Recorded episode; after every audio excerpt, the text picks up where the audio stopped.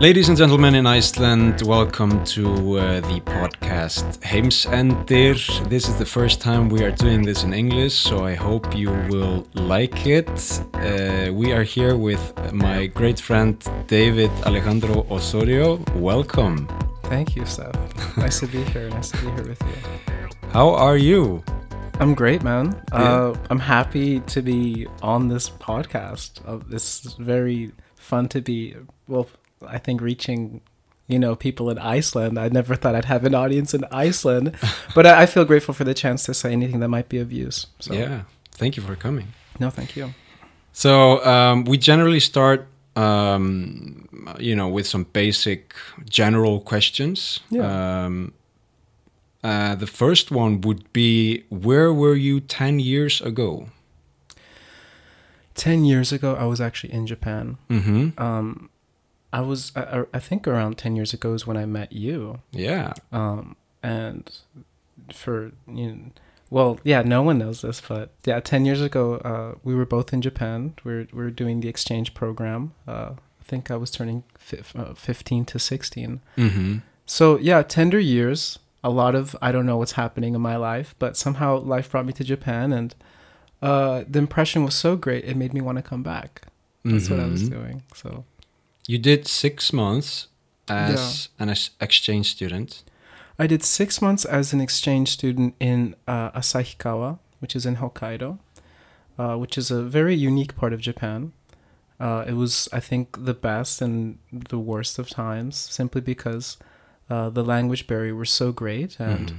well, at, at an age at 15, it's probably the biggest thing in your life, not being understood. So, uh, yeah, it was the best and worst of times because, well, you're learning and you're also conquering things you didn't think you could. So, yeah, it was a good time. Yeah. Yeah, yeah, yeah. I can relate. yeah, for sure, for sure. And then after after six months, you went uh, back to the United States. I went back to the United States uh, for very little time, maybe uh, one month or two months, and then I went to Colombia to finish my high school Mhm. in South America. I was in Colombia for three years, uh, and then I went to college in the States. Mhm. So kind of everywhere and back, and now I'm here after finishing college. Uh, so kind of put everything together. It's been maybe eight or nine years since then. Mhm. Uh, since coming to, you know, Hokkaido, coming to Japan for my first time. But I mean, it feels good, man. This is a great country. It's a wonderful place, and I'm I'm happy you're here too. Yeah. So So, it, just to take a step back, in in college, what did you study in, and, and where were you in the states?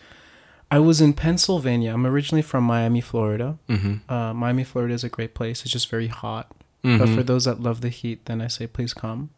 yeah. Um, but I actually went to university in Pennsylvania. Pennsylvania was my choice because it had seasons. Uh, Miami has no seasons. It's hot all year round. So if you like that, you like that. But as a kid growing up, you want some change. And, you know, and I, you know, putting on a jacket just was the coolest thing ever. You know, when it got cold, you could start expressing yourself through fashion. Even that was a kind of a rare thing for me. But I, I chose Pennsylvania because of the seasons, and uh, ended up being a very fun experience because it's it's I think one of the biggest party schools in the world. Mm-hmm. So I got a lot more than just seasons. I got parties. I got oh my god, a lot of experiences, good and bad. Uh, Mhm. but it was very eye opening as to what you know young people think of, talk about, what they're capable of. Mm-hmm. Uh, fun time, uh, college, and I I graduated and yeah, I I studied marketing in in college. Uh-huh. I went to business school.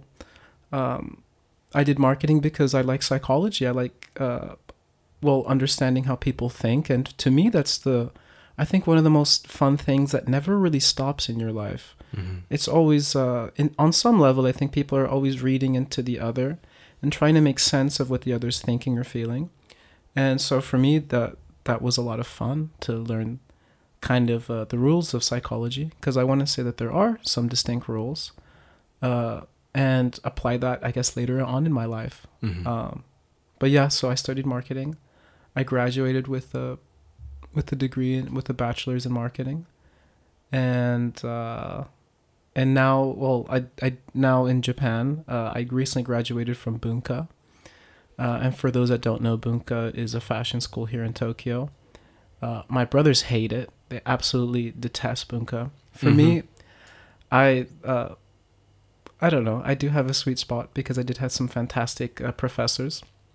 Uh, fantastic because they're very personal people Mm. um, with with a little bit of the uh, the Japanese politeness and a little bit of the Japanese sort of etiquette Mm. with doing things, which pretty much means a little bit of distance.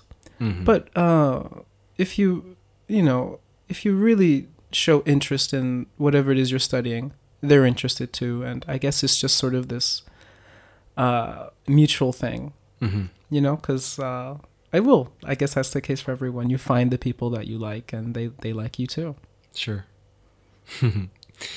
um, so you live in Tokyo with your two brothers. Yes. They are older brothers. Yes, uh, they're two years older than me. Mhm. Um, I I love them. They're great. Uh, they studied at Bunka, like I'd mentioned before. Yeah. Uh, they actually went to the uh, the very famous, the very I guess prolific in a sense, the the fashion creation course, which is what many, not many, uh, a few distinguished designers have come from. They've come from that uh, same course. It's been it, the course has been I think available for almost a hundred and some years. hmm So they're very proud of it. But it's it's a total it's a boot camp. It's very demanding, very rigorous, and uh, you're up all night. You're Mm. up all night sewing. You're up all- you're up all night doing something. Uh, I remember I remember being still in Japanese school and they were at Bunka, uh, and they'd be up all night. They'd be putting papers on the floor to do their designs, and I saw them stressed out. They'd come back exhausted. It, it was this uh, kind, kind of like constant uh, struggle with the Japanese language because imagine taking orders in a language you're not used to hmm and having to work fast and efficient and and group activity. Hmm and being seen as a lazy person or being seen as a not uh, efficient person is enough motivation to to want to do your best. Hmm so it was stressful on them but they grad they pushed through and they did graduate. And so yeah i do live with them. Now uh, we're in the process of uh, making our company. So we're happy about that. Yeah. You Yeah. you did the same degree. I did business. I studied business, uh, Mhm. and it was also um, I went to Daigakuin, which uh, in Japanese means graduate school, because um, I already have my bachelor's degree. hmm So mine was mine was a little bit more leisurely. I want to say, hmm uh, pretty much, I. Well, there was also COVID, or you know, the pandemic, which which happened, which put all of us uh, on online classes. hmm But besides that, pretty much what was required of me was, what do you think of this? Uh, this this this uh, crazy fashion thing happened. What do, what do you think about it? Explain in one page or two pages in your own words. So my Japanese did get a lot better, and it was more a thinking game of how to express yourself on paper, but and and to learn how to read and write and th- those sorts of things. But it wasn't so taxing that I had to be up all night. In fact, I had a lot of fun. Sure. So, uh, would it be fair to say that they are working? I mean, obviously more maybe hands-on. They're Oh, they're they're in the fabric. They're oh, in- they're they're putting their hands. They they prick themselves with the fabric, Sure. with the with the needles. yeah.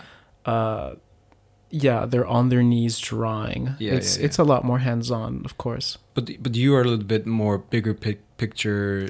Yeah, I guess. Uh, well, uh, in terms of direction, I want to say that my brothers they have a lot of direction. They know where they want to go. Uh-huh. For me, it was more mathematics.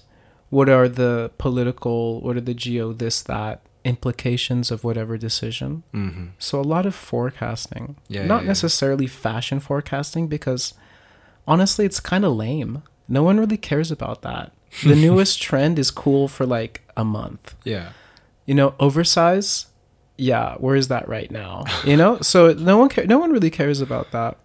Uh what what's interesting is for example, uh, there will be cer- certain events that touch a lot of people hmm like uh, the passing of uh, this very very famous i think everyone knows him uh, this designer called Vir- virgil abloh hmm uh, when he when he passed that would that had a, a great many implications. Um, what did it do for fashion? How did he impact kids, really? Like Mhm. young kids who wanted to get into fashion? That was interesting because you start to look at the culture behind fashion, and that's inherently more interesting than fashion itself. Uh, music as well, that Mhm. kind of thing. Yeah, yeah, yeah. Um, yeah, I, I remember seeing that uh, his passing maybe two years ago, something like that. Yeah, yeah. He had some connections to Japan, didn't he? I think so. I think uh, you know I won't speak too much about him because I don't really know uh, Virgil beyond uh, him being part of Louis Vuitton and also him having his own brand, which I Mhm. think is called Off White. Um, irrespective if you like the clothing or not, he was a figure for a reason, and I think what it what it was really was coming from. I think he's somewhere from. I might be wrong, but he's from like inner city, Chicago, Mhm. or one of those, and to come from there all the way here, uh, not not as a a student or not as a observer, but as a participant in fashion. Mm. You make decisions and people follow. Uh, and he was really young. I think he was around Jesus' age. I think he was thirty, Yeah. or no, he might have been in his forties, but still very young. Mhm. And so, in in a way, that's really cool. It's very, I think, motivational to look at his story, and that's interesting. I think more than the clothes. I think the story behind clothes is cool. hmm How do you? How would you like to use what you learned to promote uh, and build this business and brand that you and your brothers are about to launch? Yeah, sure. Uh, the funny thing is that a lot of what you learn at school, I know a lot of people have said this, but a lot of what you learn at school is not usable. Mm. you know like um and I, I won't give obvious ex- there's some obvious examples like you know how does algebra help me in life of course it will at some point if you decide to become a mathematician hmm but that's not necessarily the case for everyone sure. now fashion there is a way how to draw and design a shirt correctly and for the past hundreds of years we've sort of followed that but now because we have an oversaturation of all kinds of subcultures different forms there's almost no rules to anything Mm. so, what did two years in fashion school teach me? Nothing really. And I don't say that to sound like like I have hubris or like I'm ungrateful because I am, and Mm. I, I love the teachers, but honestly, don't go to fashion school. Drop out and start making clothes. hmm You know, there's kids younger than me who already have their company for already three years, and they're 18 years old, Yeah, and they're making more of an impact than I am right now in fashion. sure. So I go like fashion school, don't go. Or if you want to go, enjoy it, but just make sure that you're not putting your life on it. You know? Mhm. Yeah, I mean, it's also a thing with time, I guess, because you're looking at maybe, you know, decades of a career 30, 40, even 50 years of a career. And are you going to build all of that on two or three years of school? You know, it's. Of course. I like what you say that it's good um, for what it is. You can enjoy the time, and you should really enjoy the time because you know being in school is very different from working and and managing your your work life, managing your life after school. So especially if it's if you're fortunate enough to not have to worry about the financial side of it like in Iceland, going to university is almost free, you know. Sure. So you you can pretty much do it just for the sake of it, just just to experience it. yeah, And yeah, for sure. You don't need to build a career or a life on what you learned. And I agree. And and there's something interesting, like like what you said made me think of. Which uh, the thing that you are good at is not necessarily the thing you will be known for, and the thing you are good at is not necessarily the thing that will sustain your life. Mhm. There's something of an interesting balance there. If you're able to make your dream or what you enjoy doing sustainable in a way that you don't have to work for anybody else or take the demands of others. Well, it's a very privileged position. I think it's for very few people who find that. but if you do, then that's wonderful. You're you're living by your dream and you're doing what you want to do. Mind you, you might have to do some you might have to there might be obstacles along the way. But I think that's one of and a lot of my friends are suffering from this right now. Kids that graduated from fashion school. Mhm. Uh mind you, no experience besides a degree. Sure. A degree that says I know this much. Mhm. But um, what do they want to do with their lives and practical advice? What company should I work for? How many hours is too much? How much Mhm. of my life is also important too? That's largely up for debate.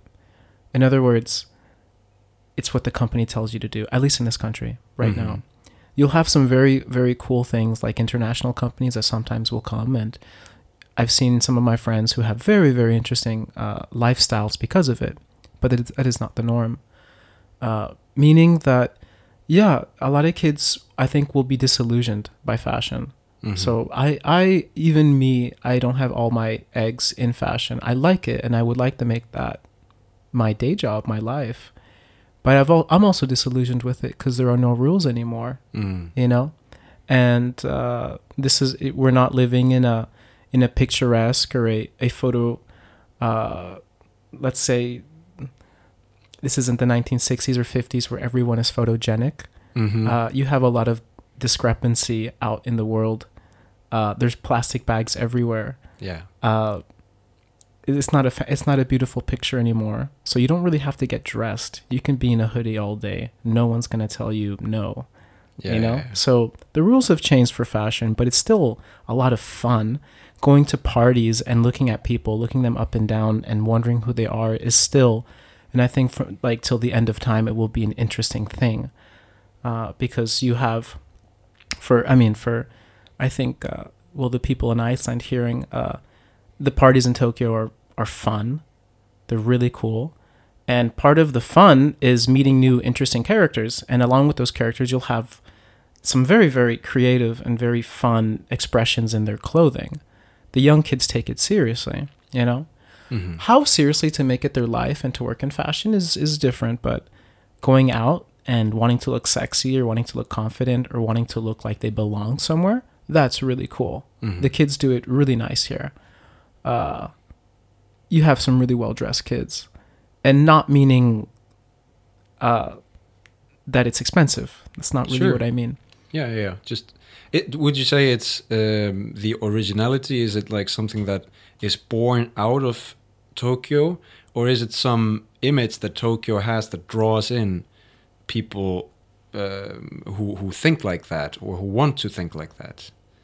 That's interesting. Um, I think what you'll have here is a sort of a a falling of culture, and I think that's just a product of being in 2022. But what I mean by that is that you have, over the course of years, you'll have um, your Sohos in New York City.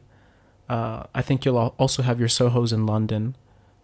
Uh, fashion centers where people get dressed. People get dressed to go out for coffee Mm. and that's a wonderful thing. I hope that never, you know, stops. Or you'll have, you'll have your your areas in Paris that are very, uh, you know, going to a cafe and, and having an orange juice and just watching people is a fantastic thing. Yeah. Now you'll have so many different subcultures after over the course of years.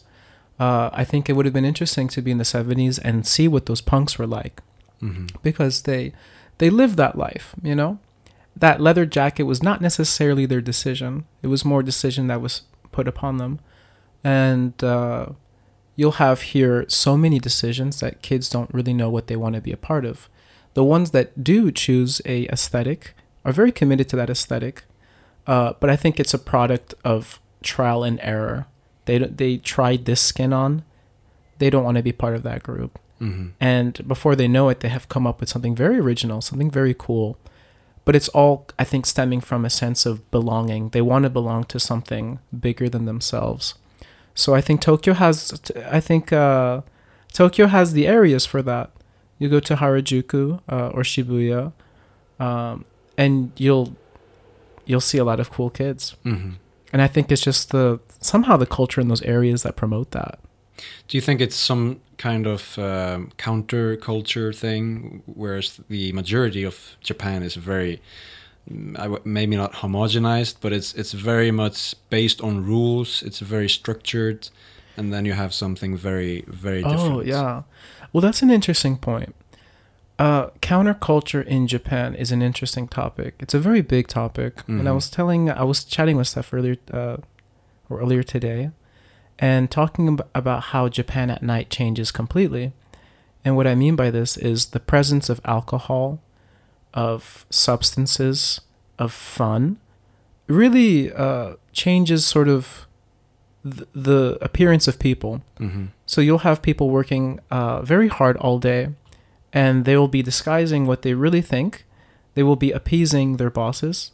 They will be being polite and politicking, as you say in English, politicking, which is a which is an interesting word, hmm which it pretty much just means watching your step. Sure. But at nighttime, that kind of dissolves. Uh, if you uh, there's there's a word in Japanese called nomikai, which just means getting together to drink, and those are very interesting. Uh, whether they're companies or whether they're your friends or whether they're people that you don't know yet, you see the real people come out. Mhm. You know, with just a little bit of the alcohol, you know, to loosen people's inhibitions, they say what they really think. Yeah. And uh, along with that, uh, y- you have people behaving the way they really want to behave. Mhm. Now, that's an interesting thing to see. With regard to counterculture and fashion, uh, I want to say that that's largely, mm, I think it's over. I think the most counterculture thing you can do in fashion right now is wear a suit. Oh yeah. You know? it's full circle. Yeah, it's full circle now, which is which is interesting now because, uh, yeah, the kids in Japan who dress punk, they're not really punk, man. Mm, Like sure. they're they like how that looks. They they think it's cool, but they're not really rock and roll. Yeah. yeah. And if you ask them, "Yo, what music do you listen to?" They'll be like, "I don't know. What do you listen to?" you know. So the kids that dress punk aren't really punk. yeah. Um, but the kids that were the kids that are a little bit more conservative, uh, a little bit interesting because it's a conscious decision. It it takes time to put on a tie, Mhm. and you don't have to. We're Mhm. past that. Somehow people think that we've evolved past that, past ties. And you could think that's a good thing or a bad thing. I personally, I think the tie is very cool. Mhm. But uh, I guess just you know loosening all of society's norms. I think uh, several things have gone out the window. That's the hat. That's the tie, and uh, well, you'll still have people in suits, but not young, not young kids in suits. So I think that's probably the most counter countercultural thing you can do Mm. is to dress conservative Yeah. Yeah. Yeah. you know and at parties well there's always uh there's always one or two cool kids like that too Sure. Yeah, it's interesting uh, to hear you uh, describe these neighborhoods, these Sohos uh, of New York, London, Paris, uh, Tokyo as well. Um, I mean, in Iceland, we have very creative people. We have very creative uh, designers as well, and there is uh, a, a fashion design department at my former school. But the, especially during the wintertime, the weather is just not very thoughtful of people wanting to express um, themselves through fashion. Um, although you can, you know, make the outdoor style style uh, clothing part of your expression you know? So so that would be something. I mean one of one of uh, the biggest brands in iceland is an outdoor clothing brand. Uh, fairly functional and practical but also very stylish and, and fashionable. Uh, but i just remember countless time doing something to my hair you know getting ready to go somewhere and then you step out of the house and, and you're just drenched in, in, in a mix of rain and snow and wind and Sure, you, you're sure. thinking like why Yeah. why bother why bother with all this nonsense yeah for sure Yeah, but it's nice to be in Japan. Um, at least you know for for most of the time when you can actually go out without you know getting soaking wet. Or uh, although these days you'll probably get drenched in in in sweat due to the heat. yeah yeah it's you know learning how to dress in summer is a skill it's an Mm. art um and deciding what clothes to say goodbye to because if you sweat it out you know yeah. you give a lifetime you give a, a life sort of span to it Mm-hmm. so yeah that's kind of interesting too What have you learned w- when it comes to well dressing in Japan generally? i've learned that the less you care the cooler you are Mm. and you know it's kind of it's a paradox uh, there's a lot of uh, there's a lot of paradoxes in life, but that's kind of one too. The less you care, the cooler you appear unto others. hmm Um, being so neatly and so forcibly organized just makes you look, in a way, like you're trying too hard. Mm. And I think this just uh, something through life that trying hard has never really. And and we talked about this as well with exercise. Somehow, the more effort you put into exercise, a conscious decision on your effort, somehow the more, the more you tell your body to do something, it's different than rather than letting your body do it naturally. Sure. So yeah, the less you care, and you will appear sort of reckless and and kind of alluring even. Uh, and that that to me is is very sexy. There's some girls uh, in Tokyo that dress very kind of uh, grungy Mhm. without necessarily being designer. How do you how do you do that? Like Yeah. I guess just by having a careful eye and knowing what you want to show to people Mhm. you know so yeah the girls here dress really cool and you know it's powerful enough that you think about them after and you're Yeah. curious as to know who they are yo who's that girl kind of Mhm. or who's that boy Sure. it's a it's it's a cool game to play but i like like i told you before like you know for for our Isla- icelandic friends uh honestly i think like fashion doesn't matter Mm. you know there are more important things to think about in life but if you were to think about it then there are some really cool uh i think things you can observe here in tokyo for sure Mhm. you know So oh, yeah, we we've talked a little bit about what you like about Japan and Tokyo. Uh, what are points of conflict? What what don't you like about this place? yeah uh yeah man for sure uh yeah there's one word bureaucracy Mm. um the i'm grateful to be here and i think i love japan so much that i can criticize it effectively uh, and accurately i think to some point i haven't worked uh, in some uh, some very heavy jobs that some of my friends have so i can't really speak to working in a company two three four years you know but from what i've seen and from the jobs i've worked uh, i have to say man um, listening to a superior becomes sort of this rule you can't touch Mm. And it's very different uh, you know i think it's naive to be like oh well in the states we do this because you know we're, i think we're but we're we're all a little bit more sophisticated than that. Mhm. um, but you know the, the the differences are so stark so contrasting.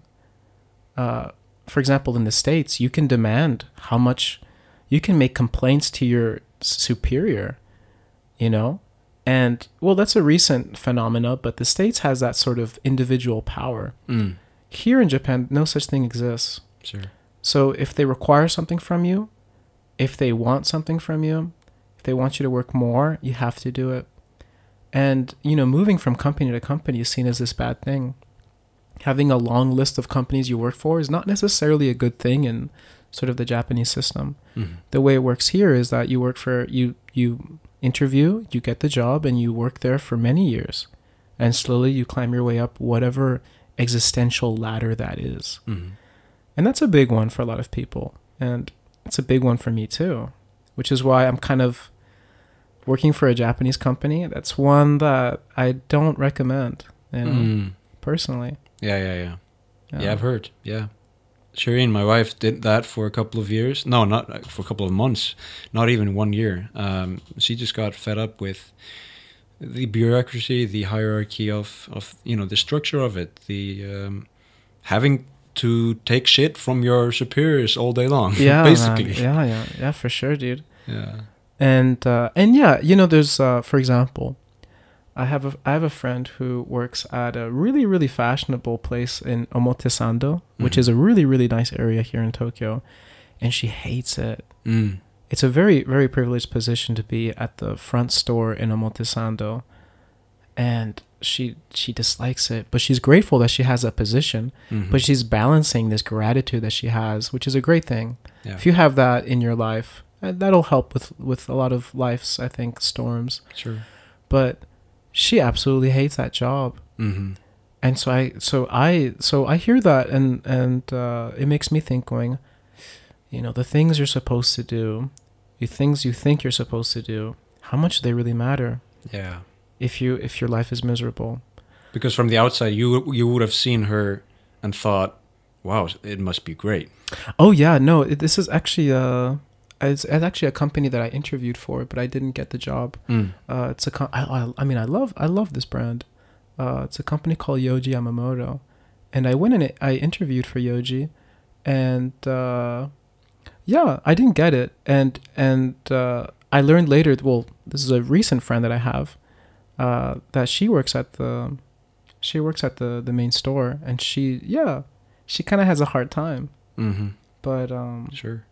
But yeah, no, I mean, from the outside, it's very fashionable, very uh, alluring, because you because it's almost prestigious in a way. Mm-hmm.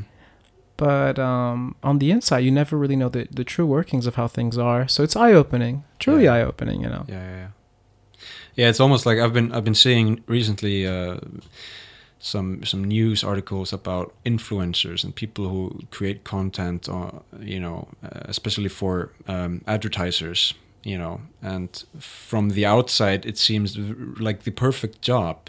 So much so that almost one in two young people will say, when asked, "What do you want to do with your life?" they will say, "Well, I want to be a YouTuber. I want to be a TikToker. You know, I want to be an influencer." Yeah, for sure. Uh, it's it's like you say, it's very allure, alluring, but um, then on the op- opposite side, on the flip side, many influencers are you know uh, feeling depressed or, or or or burnt out. It can be a very it's probably a very stressful job, very difficult, maybe even lonely. You know, it's it's like not to say that it's it's a bad job or a bad profession, just to say that um, it's it's it it can be different from what you think, from what you perceive from the outside. of course. Mm-hmm. And I think most things that are media related come with the onslaught of emotions that come from media related jobs. Sure. Um, and yeah, I'll, I hear, you know, I'll, I'll ask a lot of my younger friends who also graduated from Bunka, uh, hey, what do you, what do you want to do? Or what are your plans for life? For the ones that do know, you'll have, you'll have some, yeah, I want to be a YouTuber or I've decided what I want to do with my life. I'll be a YouTuber or an influencer or th- th- there's this word in Japanese, in- influencer, which Mhm. is it's just it's this uh, amalgamation. It's, it's such a large box of whatever fits in that. Yeah. An influencer, but what that says to me is that they don't really know what that is. You know, Yeah, yeah, yeah. like oh, I want to get I want to get so many views on TikTok. At least that's a tangible goal. you know? Mhm. But I just want to be an influencer. I, in other words, I want to be famous Sure. And that's not any cause that's not any that's not any real goal in life Mhm. and you can't really control that Yeah. the people that become famous well many times they don't like it so Sure. And no nobody's ever said, "Well, this is it. This is my goal is reached. Um, I I have one hundred thousand followers. I don't have to do anything from now. Like yeah yeah I'm just gonna maintain that. No, it's it's always it's always about growing and and and getting more and getting more and getting more. And I guess at that point, you it's out of your hands anyway. Yeah. You have become uh, a, a valuable asset. So you yeah know, for sure people will be trying to make use of it. You know. yeah man yeah you know yeah I, you'll have i mean i guess when you're young everyone to a certain extent wants to be known everyone wants to and i guess it just stems to everyone's need to feel important everyone's very human need to feel loved i guess Mm-hmm. but it kind of it becomes a little bit um, let's say twisted i think in your youth uh, or it's it's naive and it's sort of it's misguided Yeah, yeah, yeah. you know it's misguided i wouldn't really call it an evil thing because maybe when i was young maybe i wanted to be famous too but you know there's a saying that says you win the world and then what yeah. you know so you know i if it happens i say congratulations but be ready for what comes next because you might not like it sure. you know So let's pivot to music. Sure. Um, when did you first get into music? Oh man, uh, I love music. I mean, so does everyone, don't they? Sure. You know, um, for me, I want to say that you know I I listen to music in um, in my dad's car all the time, and he would play the Beatles, and Mhm. I'm grateful for that because otherwise I'd probably be listening listening right now to some dumb shit, you know. but you know, having a solid base, uh, you know, you'd play the Beatles in the car, and uh, yeah, man, I'm happy that that stayed with me all my life, and it doesn't, you know, the things you listen to as a kid. And I guess it's the same thing as the same, or the movies you watch as a, as a child. They stay with you in life. Mhm. And uh, when you revisit them later on in your adult years, you have this sort of, I mean, special connection is like an understatement. It's sort of these things were part of you kind of always. So, Mhm. uh, yeah, the Beatles, man, that's a good that's a good basis to start. Yeah. Um, so yeah, I'd I'd um, I'd listen to a lot of music in my dad's car. Um, the Bee Gees, mostly '70s, mostly oldies, and I guess that's kind of where my taste comes from Mhm. uh, I don't try to look for old things, but somehow people back then, they just they got it right, man. Yeah. You know? yeah. Uh, so music um, has always been sort of important in my life. Um, I want to say it wasn't really until the Corona pandemic that um, you know you're alone at home for months and months on end, and not you know and and this is to say if you're you know luck- luckily if you're safe and you know you're just you're just holed up at home. Uh, I did actually get I actually did get uh, COVID, so I was like dead for like ten days. Mhm. That was crazy. Yeah. Uh, I lost a lot of weight. I looked really cool afterwards.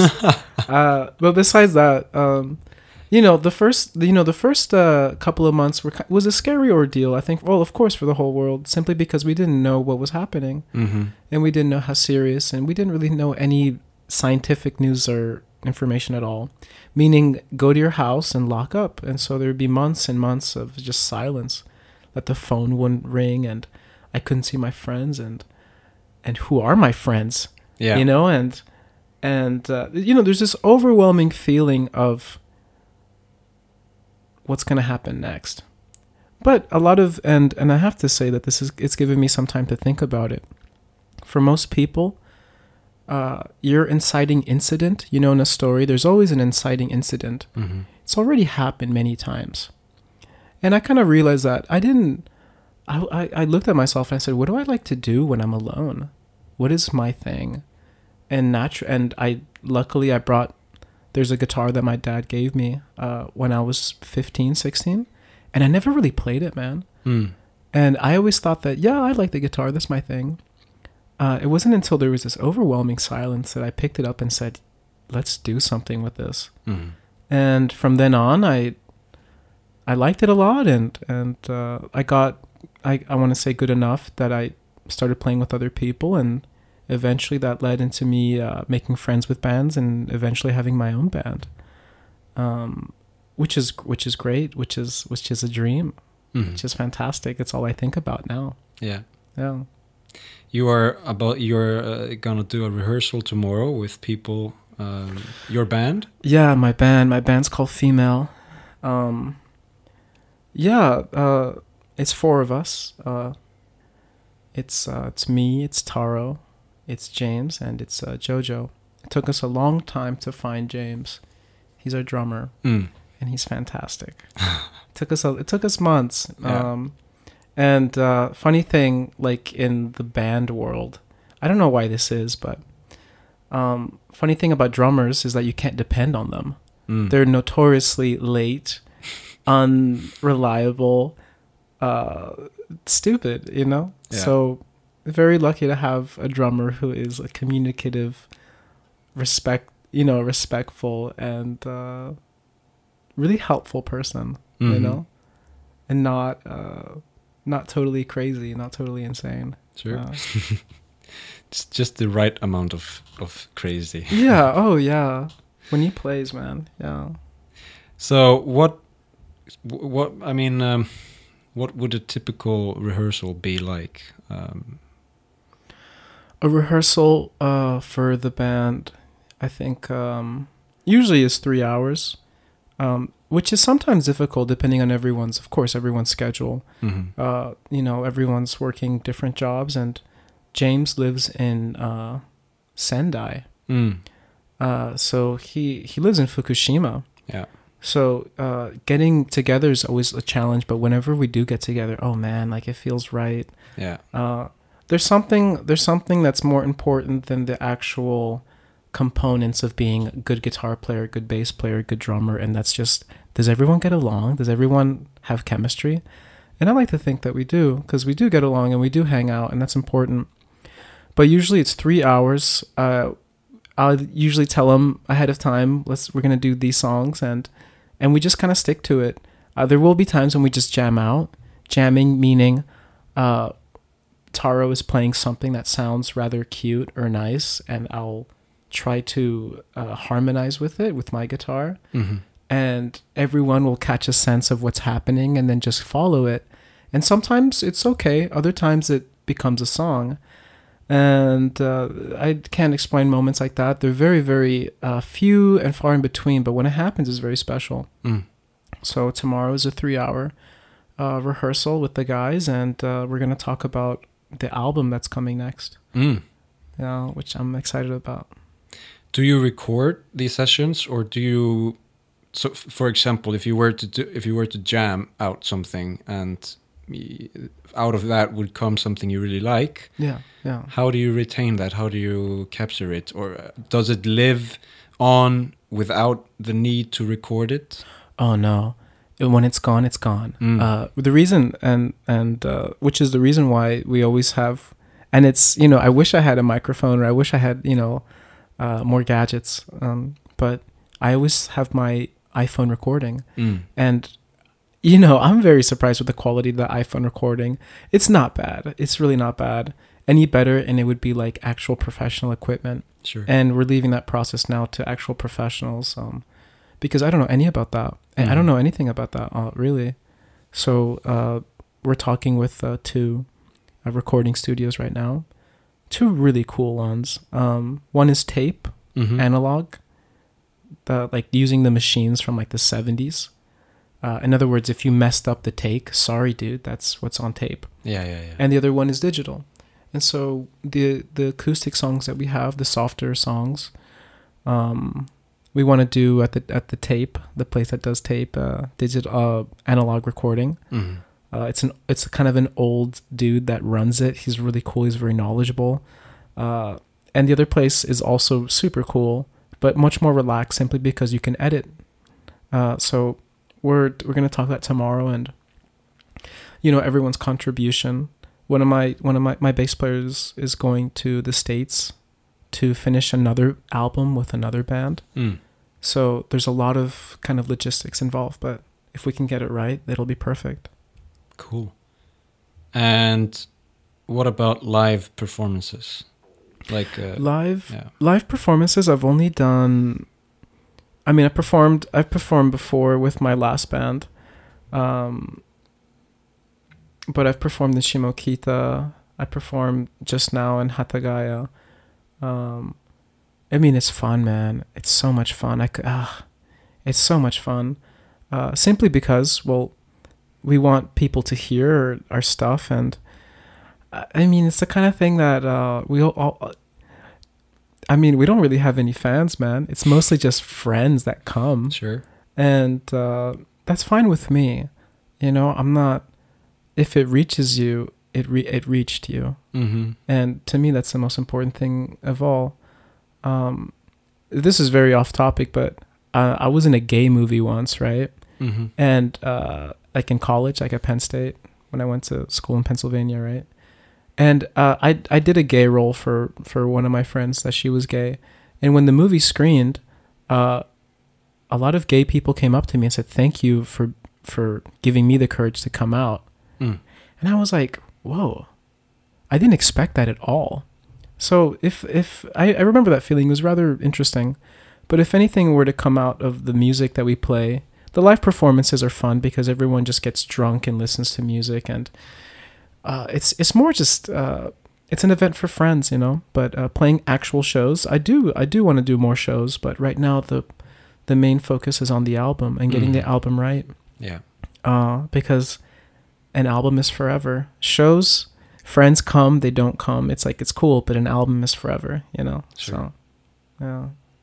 Yeah, it's it's it's very cool. It's um I imagine uh, very different from what I uh, am used to in Iceland. Everything is like the the, the spectrum of um, possible performances is probably not as wide in Iceland. I mean, maybe it is, but it feels to me like it's either uh, a very short route from uh, doing, you know, uh, rehearsals to then playing big festivals in Iceland. Sure. Uh, not that it's easy, but you know, we have seen many artists and bands that that are able to do that in Iceland.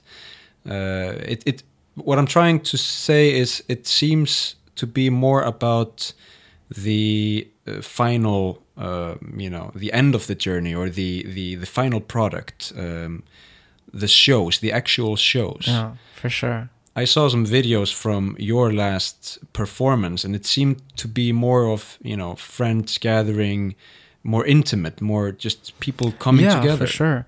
Uh, we had some friends who were sitting on the amplifiers. Yeah, Kind of fun, like it kind of. Uh, I mean, that's the way for.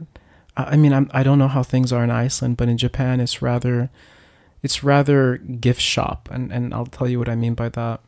In other words, you pay you pay thirty dollars or forty dollars in some cases if the artist is well known. hmm Uh, you get a drink ticket. You go inside. You sit down. You listen to the show. One two hours goes by, and then afterwards the show's finished. You leave, Mhm. and that might sound like yeah. Well, what did you pay for? Well, I get that too, but it's a lot more fun when you can chat with the people there. Everyone is drinking. The show's about to start. Uh, all the band members are just having fun with their instrument, Mhm. playing very loud yeah, uh, there's a sort of anticipation that's rather cool, especially knowing that this is your friend. So I've been to a lot of shows like that, and I was impressed by how casual and how how in control some of these musicians are. It was so cool seeing these guys just have fun and uh, not take themselves too seriously. Uh, so it removes a lot of the anxiety of having to perform well yeah, you can make mistakes and you can even you can even say hey guys sorry we're going to try that again. Yeah, yeah, yeah. you know? And i and it's i think that's the real way to do a show because everyone's at ease. And everyone enjoys this very intimate especially for softer songs everyone enjoys this very intimate feeling.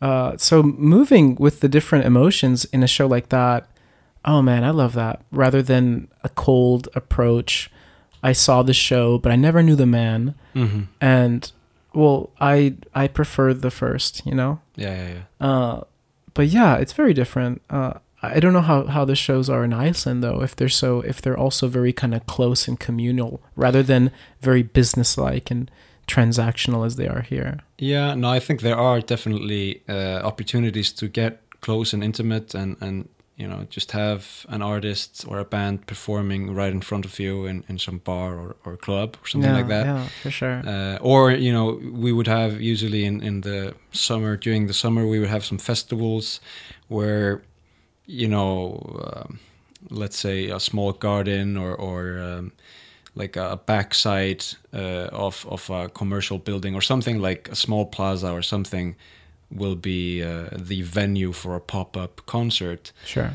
Something you know on along those lines. But i think um i think that's more of an accident or or more of uh, something that has to happen due to lack of resources or space rather than it being the desired outcome. Sure sure. Um, whereas here, I mean, I, I'm not sure, but I. uh, So basically, the question would be if everybody could be performing on a big stage, would they, or would they prefer, you know, this this this closed setting, this um, intimate setting that you're describing? I think if you give everyone the choice, they would choose the the everyone wants to have their friends around Mm. and uh well the the leisure there is that you're not in a hurry. Uh and you're also not paying $40. Yeah. I think I think uh, I've had conversations about this before with uh, some other close friends, but pretty much uh, the business transactional part in Japan is very it's king, Mm. uh, and that's kind of what moves the music culture here in general. It has to do with uh, paying a fair sum and then going to see the show. Whereas uh, it- you developing a culture where people can freely come and listen to music and just paying five dollars is really rare. You'll Mm. have that with some uh, live houses and some recording studios. There's a really really cool uh, for for my Icelandic friends. If you ever come to Tokyo, uh, there's a really cool and a kind of a landmark of the community. Um, I live in Koenji. Koenji's a I want to say a rather cool area of Tokyo. Uh, you will still have some very community driven places that don't strive to make money per se. Well, of course, uh, you know, they have to sustain themselves. But it is a community service to everyone involved. And it doesn't matter who you are, just come and have fun and be respectful. Mhm. There are places like that that still do exist. And you'll be right up close to the musicians and you can chat with them. And they're people just like you. There's not so much m- mystery or, oh, well, the mystery behind a musician's fantastic. But there's no, there's not so much uh, mist uh, that is common with sort of music. You don't know who these people are, which is always a cool thing, but it's cool to find out who they are. So that that close connection with these people and realizing that these people can be your friends and you can hang out again Mm. and you can go to their next show and they might make a joke about you on stage is is it's a cool thing to be that close to something that's the main event. Yeah, yeah, yeah. So I think if you give people the choice, they would prefer something more intimate. They just don't know it yet. Some people haven't had that experience. Yeah, yeah, yeah.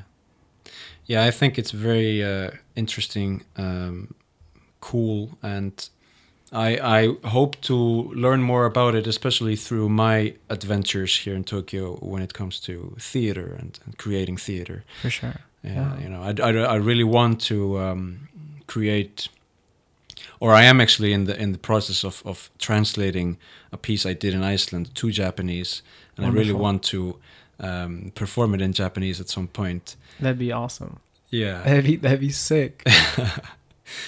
Um, so I think I, I want to uh, put forth one final question, um, which concerns the future of this country. Um, I mean, when I talk about the future of Japan to Japanese people, and I, I was actually um, we were discussing this this last weekend. My idea was that most, especially young people in Japan, were a little bit pessimistic, a little bit, you know, um, yeah, pessimistic about the future uh, of of Japan. Um, not hopeful that the country would be able to move in a more, let's say, progressive way. Um, uh, but then this weekend, I actually I actually heard a, a, a little bit different answer. Um, a friend of mine said, "Yeah, mm, Japanese people might say that, but on the inside, they don't fully believe it. They do believe in a bright and good future for their country. Um, is this something you have tackled before? Japan's future? I think discussing Japan's future is interesting because of, well, for one reason is that any change to occur in this country is usually very, very, very, very slow. Uh, despite that, you will have some very, very interesting moments in history of this country where you went, that was possible? Mm. and I'll give you one.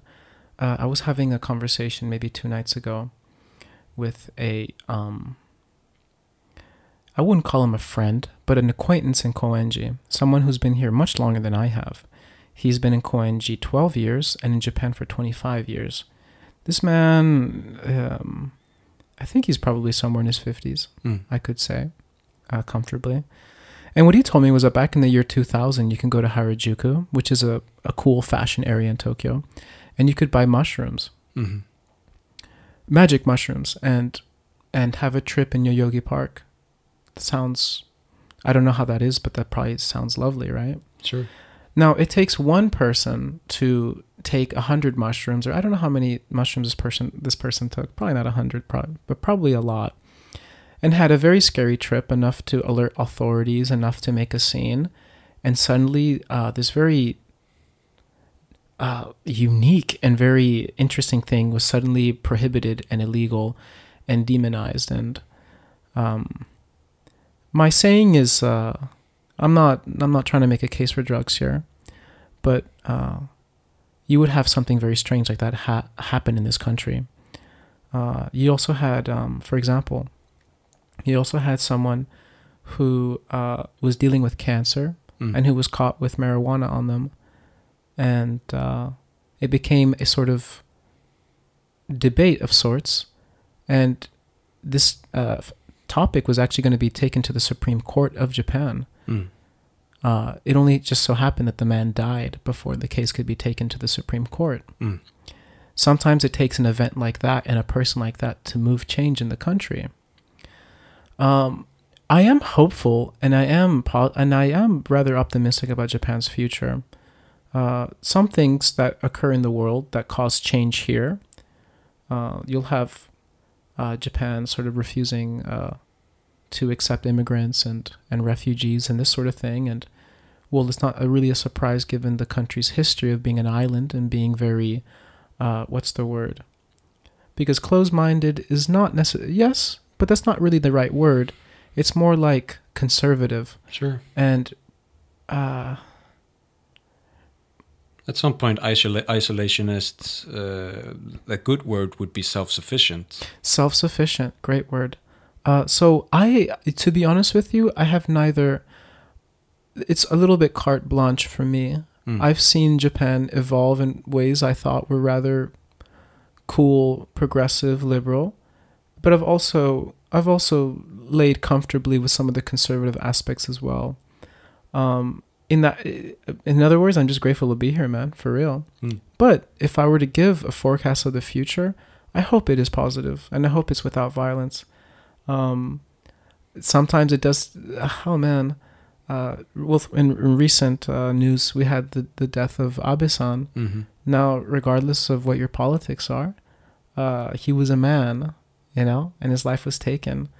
So you'll have you'll have moments in in, in history like that. That was a moment in history now that I, I don't think will ever be forgotten. But you'll have things like that that will spark a change in people and force them to have an opinion.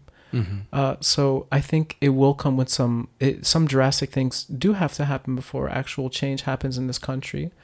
Uh, and and for example, you you'll have uh, people working themselves to death, too many deaths, and they might change the job structure here. But yeah, uh, I am optimistic though. I know that the youth is very different from older people here, but only so different as to what lens they view the world in the youth is in love with love Mm. and well the order the older people are in love with order here Sure. so hopefully we can have a balance um, I lied. One final question. sure sure yeah no problem If if there was one habit that you could build, um, I mean, I've been asking this question from the beginning of 2022. and Now we're more than halfway through, so I don't know if 2022 is the right time period to give. But let's say in the next one year, if there was one habit you could take up, what would you like to do? one habit. Mm. that's great. Uh, habits determine your life. In other words uh, if i were to pick one i think it would be exercise related you know? Uh, finding well for for my icelandic friends here finding personal time in tokyo depending on your lifestyle can be a rather difficult thing. And if i were to mindfulness to be mindful at all times put down your phone and listen to the person in front of you because chances are they have something very interesting to say. Um, that's one to be mindful but but i suppose it's not really a habit rather just an attitude change but a habit i think would be man running or yoga or keeping things this is a crazy metropolis and the pressure can get outstanding sometimes. Um, so keeping keeping uh, keeping your body in check keeping your mind in check is important more than you think. Uh, but a habit i guess exercise in nature man. Those would be the ones. Let's do it. yeah David, thank you so much for coming. thank you steph thanks so much man